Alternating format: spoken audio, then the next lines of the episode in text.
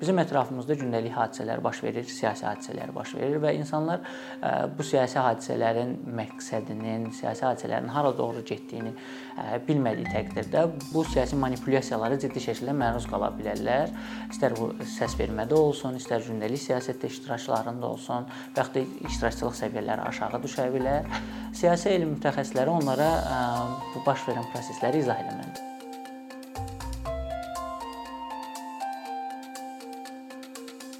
Politologiya ixtisası və yaxud da biz buna qərb ədəbi dili ilə desək, siyasi elm ixtisası dünyanın ən qədim ixtisaslarından biridir. Hətta siyasi elmin atası hesab olunan şəxslərdən biri Aristoteldir. Bu bu baxsanız, baxsaq bir sözün özünə politika, politologiya sözünün kökü olan politika sözü də Yunan şəhər dövlətləri olan polislərdən götürülübdür. Aristotel fikirləşirdi ki, bizim ətrafımızda baş verən hər şey politika ilə əlaqəlidir. Politika sadəcə dövlət idarə etməsi deyil, sizin həyatınızda da var, ailə həyatınızda var, gündəlik həyatınızda da siz bunlarla qarşılaşırsınız. Ancaq politologiyanın bir elm kimi formalaşması əsas etibarı ilə 19-cu əsrə gəlir çıxır və Amerikada bu elm inkişaf eləməyə başlayır. Politoloqların əhəmiyyəti nədir? Tez-tez bizim qarşılaşdığımız suallardan biri budur. Düzü mən bunu deyim ki, mən politoloq adını istifadə etməkdən daha çox siyasi elm mütəxəssisi adını istifadə etməyə çalışıram. Çünki bu ad daha açıqlayıcıdır və daha düzgün şəkildə insanlara başa düşməsinə kömək eləyir. Siyasi elm mütəxəssisləri bizim ətrafımızda baş verən siyasi hadisələrin düzgün tədqiq olunmasını, analizinin çıxarılmasını və eyni zamanda da proqnozlaşdırılmasına da cəmiyyəti proqnozlaşdırılması vasitəsilə cəmiyyəti məlumatlandırmağa çalışırlar. Bu gün bizim bu anlayışları bu qədər qarışdırmağımızda əsas problemlərdən biri odur ki, biz siyasətçi və siyasi elm mütəxəssisi anlayışlarını qarışdırırıq. Biz düşünürük ki, siyasətçi ən yaxşı siyasətçi siyasi elm mütəxəssisi ola bilər, amma əslində bu belə deyil. Bunlar tamamilə başqa-başqa peşələrdirlər və bu peşənin sahiblərinin hər birinin özünə məxsus e, bacarıqları olmalıdır. Məsələn, siyasətçinin liderlik bacarığı olmalıdır, kütlələri ələ ala bilməlidir, səs qazana bilməlidir, idarəçilik qabiliyyəti olmalıdır. Siyasi elm mütəxəssisi isə e, tədqiqatları bacarmalıdır, daha e, düzgün təhlil aparmağı bacarmalıdır, ədəbiyyatı düzgün oxumağı bacarmalıdır və eyni zamanda yaxşı məqalələr və kitablar yazmalıdır, dərs verməlidir müəyyən səviyyədə. Buna görə biz bu anlayışları tez-tez qarışdırırıq. Amma bunlar bir-birindən tamamilə fərqli anlayışlardır. Siyasi elm mütəxəssisləri nəyə görə əhəmiyyətlidir? Siyasi elm mütəxəssislərinin əhəmiyyətli olmasının səbəbi odur ki, dediyim kimi bizim ətrafımızda gündəlik hadisələr baş verir, siyasi hadisələr baş verir və insanlar bu siyasi hadisələrin məqsədinin, siyasi hadisələrin hara doğru getdiyini bilmədiyi təqdirdə bunu bu siyasi manipulyasiyalara ciddi şəkildə məruz qala bilərlər. İstər bu səs vermədə olsun, istər gündəlik siyasətdə iştiraklarında olsun və yaxud da iştirakçılıq səviyyələri aşağı düşə bilər. Siyasi elm mütəxəssisləri onlara bu baş verən prosesləri izah etməlidir. Məsələn, deyək ki, bizim başımız ağrıyır və şiddətli baş ağrılarımız var. Biz bunu anlamaq üçün nə edirik? Həkimə gedirik. Siz də ətrafınızda əgər siyasi dəyişiklik olarsa, siyasi hakimiyyət dəyişikliyi olacaqsa və yaxud da seçkilər baş verəcəksə, təbii ki, hər bir vətəndaş sağ-sol nə deməkdir bilməməli, bilməyə bilər. Hansı partiyanın xüsusiyyətlərinin, hansı partiyanın siyasətləri nələrə gətirib çıxaracaq, bunları bilməyə bilər. Bunları bilməli olan şəxslər siyasi elm mütəxəssisləridir və onlar kütlələrə, cəmiyyətə bunu izah etməlidirlər. Ancaq Problem orasındadır ki, bizim ölkəmizdə də xüsusilə biz bu problemi görürük.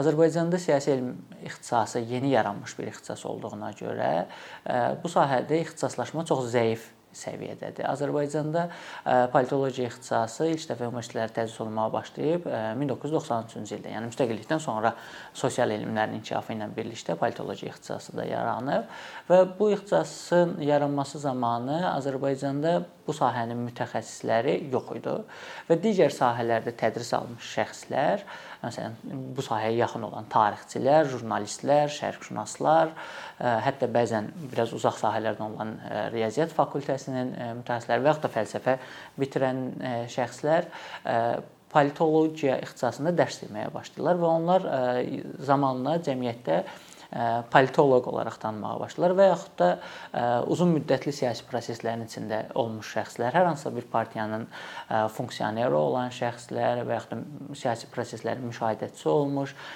proseslərin iştirakçısı olmuş şəxslər siyasətdə ən yaxşı onların bildiyini düşünürlər və onlar düşünürlər ki, onlar politoloq kimi açıqlama verə bilərlər. Ancaq ə, burada ciddi şəkildə bir ə, akademik tərzdə uyğunsuzluq yaranır. Məsələn, yenə eyni nümunədən davam eləsək, bir şəxsin başı ağrıyanda sizin siz dostunuza deyirsinizsə ki, al bu dərmanı və o dərmanı atıb onun baş ağrısı keçirsə, bu demək deyil ki, siz ən yaxşı həkimsiniz. Siz həkimsiniz. Siz həkim olmağınız üçün bunun baza təhsilini almalısınız. Azərbaycanda da ə, bu problem var. Kimsə proqnozu məsələn 3 il sonra, 2 il sonra və yaxud da 6 ay sonra üçün verəcəyi proqnoz düzgün olduğu təqdirdə və yaxud da hər hansısa bir ə, qarışıq terminlərdən istifadə eləyərək ə, təhlil verdiyi təqdirdə ə, o özünü çox yaxşı politoloq adlandıra bilir. Hətta mən bunu görmüşdüm ki, bir neçə şəxs ə, siyasi təhlil verməyin ə, Allah vericisi olduğunu deyirlər. Ancaq ə, bunun özünün ə, belə deyək də metodologiyası var analiz aparmağın, tədqiqat aparmağın, siyasi tədqiqat aparmağın özünün metodologiyası var. Bunun səbəbləri odur ki, niyə görə bu tip belə deyək, kənar sahələrdən gələn şəxslərdə siyasi elm mütəxəssisi adlana bilirlər. Siyasətin və ümumiyyətlə sosial elmlərin elm olması çox bütün bu gün qərb ədəbiyyatında da müzakirəli mövzudur ki, siyasət elmdir, sosial digər ümumiyyətlə sosial elmlər elmdirlər yoxsa yox. Ancaq biz bunun bir qanuna uyğunluğu olduğunu, bir dediyim kimi tədqiqat metodlarının olduğunu qəbul ediriksə, biz siyasətin də bir elm olduğunu qəbul etməliyik. Çünki siyasətin də özünün uyğunlaşdığı qanuna uyğunluqları var və bu siyasi elm mütəxəssislərinin əsas vəzifəsi bu qanuna uyğunluqları bilmək bilməkdir. Azərbaycanda bu sahənin zəif inkişaf eləməsinin dediyim kimi səbəbi ixtisasın nisbətən yeni yaranmasıdır. 1993-cü ildə yaranmasıdır. Amma bundan başqa siz deyə bilərsiniz ki, artıq 30 ilə yaxındır bu ixtisas var. Nəyə görə inkişaf getməyib? Azərbaycanda ən əsas bir neçə kateqoriyaya bölmək olar ki, siyasi təhsilin Azərbaycanda zəif olmasının səbəbləri nələrdir? Bunlardan ən birinci səbəb dediyimiz kimi mütəxəssis azlığıdır. Azərbaycanda bu sahədə təhsil almış və yaxud da Qərbdə təhsil almış mütəxəssislər burada əmək bazarı dar olduğu üçün qalmağa və yaxud da universitetlərin Azərbaycanda vəziyyəti ürəkaçıcı olmadığı üçün onlar bu sahədə dərs keçməyə meylli deyillər, uzaqlaşırlar bazardan. İkinci bir səbəb isə Azərbaycanda resurs azlığıdır. Biz siyasi təhsillə məşğul olarkən çox ciddi şəkildə ədəbiyyatın azlığını görürük. Məsələn, Azərbaycan dilində ədəbiyyat çox azdır. Az olmağı ilə yanaşı da çox keyfiyyətsizdir. Çünki Azərbaycanda keyfiyyətli tərcümə ənənəsi yoxdur və siyasi təhsili kitabların tərcümə olunması Azərbaycanda biraz çəkincəndir. Həm universitetlər, həm nəşriyyatlar bunda biraz çəkinir ki, bu da ölkənin siyasi vəziyyəti ilə biraz əlaqəli ola bilər. Keyfiyyətli nəşr biz çox az adını çəkə bilərik. Məsələn, toplasaq bir əlin və yaxud da iki əlin barmaqlarına keçməzlər və o halda biz nə etmək məcburiyyətində qalırıq? Ya türk dilində ədəbiyyata yönəlməli oluruq ki, daha böyük kütləyə çata bilək ya da daha az kütlə üçün ingilis dilində ədəbiyyata yönəlməli oluruq. O da tələbələrin bir çoxundan aldığımız geri dönüşlər budur ki, türk dilində akademik ədəbiyyat çətin olduğu üçün biz yəni başa düşmək çətin olduğu üçün terminləri və s. türk dilində oxumaq onlara qəlizdir. İngilis dilində isə ümumiyyətlə ingilis dilini bilmə faizi tələbələrin arasında az olduğu üçün biz ingilis dili ədəbiyyatı da onlara çatdıra bilmirik. Məcbur qalırıq ya biz materiallar tərcümə eləməliyik ki, bu da həm çox yorucu, həm də mahiyyətində əslində bahalı işdir və bu gün universitetlər onu qarşılamırlar. Ya da indiyə qədər tərcümə olunmuş kitablar olmalıdır. İndiyə qədər tərcümə olunmuş kitabların problemi nədir? Bu kitablar əsas etibarilə bu orta və yaşlı nəsil tərəfindən rus dilində bildiklərinə görə rus dili ədəbiyyatının tərcüməsidir və Burada da bu günün reallıqlarından uyğunlaşmırlar. Bu gün Azərbaycanda çox təəssüflər olsun ki, yazılan dərsliklər, xüsusilə siyasi elmlə bağlı dərsliklər 19-cu əsr universitetlərinin tələbləri əsasındadır. Yəni siz orada siz görürsüz konkret kateqoriyalara bölünmə var.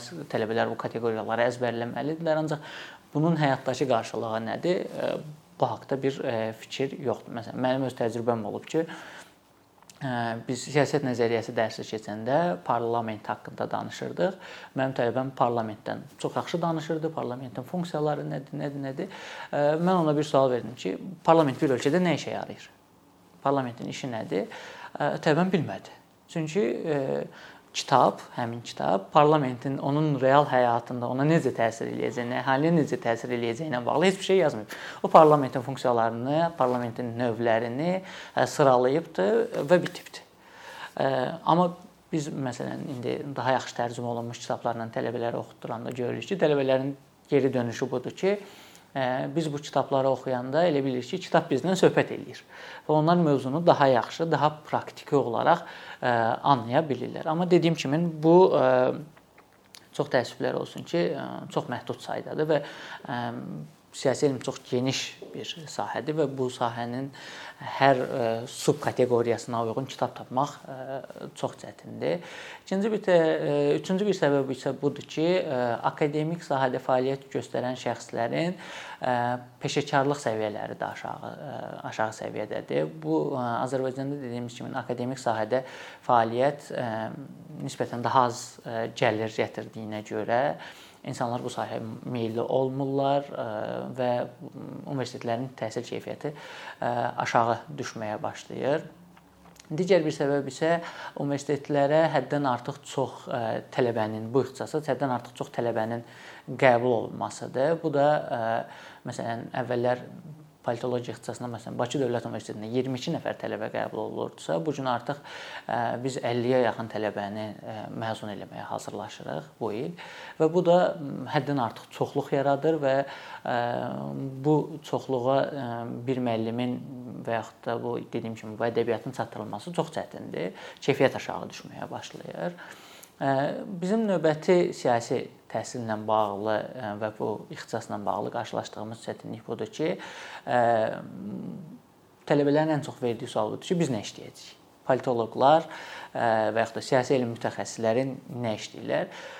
Dünyada da, Azərbaycanda da siyasi elm mütəxəssislərinin əsas iş verəni, yəni iş yerləri dövlət qurumlarıdır. Bu ABŞ-da da belədir, Azərbaycanda da belədir. Ancaq Azərbaycanda digər bir çətinlik budur ki, ən böyük e, iş sahəsi dövlət olsa da, digər sahələr e, çox minimum səviyyədədir. Yəni təəssüf ki, bizim əlimizdə hal-hazırda konkret bir statistika yoxdur. Ancaq Azərbaycanda e, vətəndaş cəmiyyətinin zəif inkişaf eləməsi, xüsusilə Azərbaycanda tədqiqat mərkəzlərinin olmaması, beyin mərkəzlərinin olmaması bu sahədə işləmək istəyən şəxslərin qarşısını kəsir. Biz ya siz bu sahəni bitirmisinizsə, bir dövlət qurumunda çalışmalı olursunuz, ya çox məhdud saydakı vətəndaş cəmiyyəti institutlarında çalışa bilərsiniz, əgər Azərbaycanda qalmaq istəyirsinizsə, və yaxud da bir əlin barmaqlarını keçməyəcək qədər beyin mərkəzləri və yaxud da tədqiqat mərkəzlərində çalışa bilərsiniz ki, hansı ki bu tədqiqat mərkəzləri də dolayısı və yaxud da birbaşa yolla dövlət qurumlarının tabeliyində olur və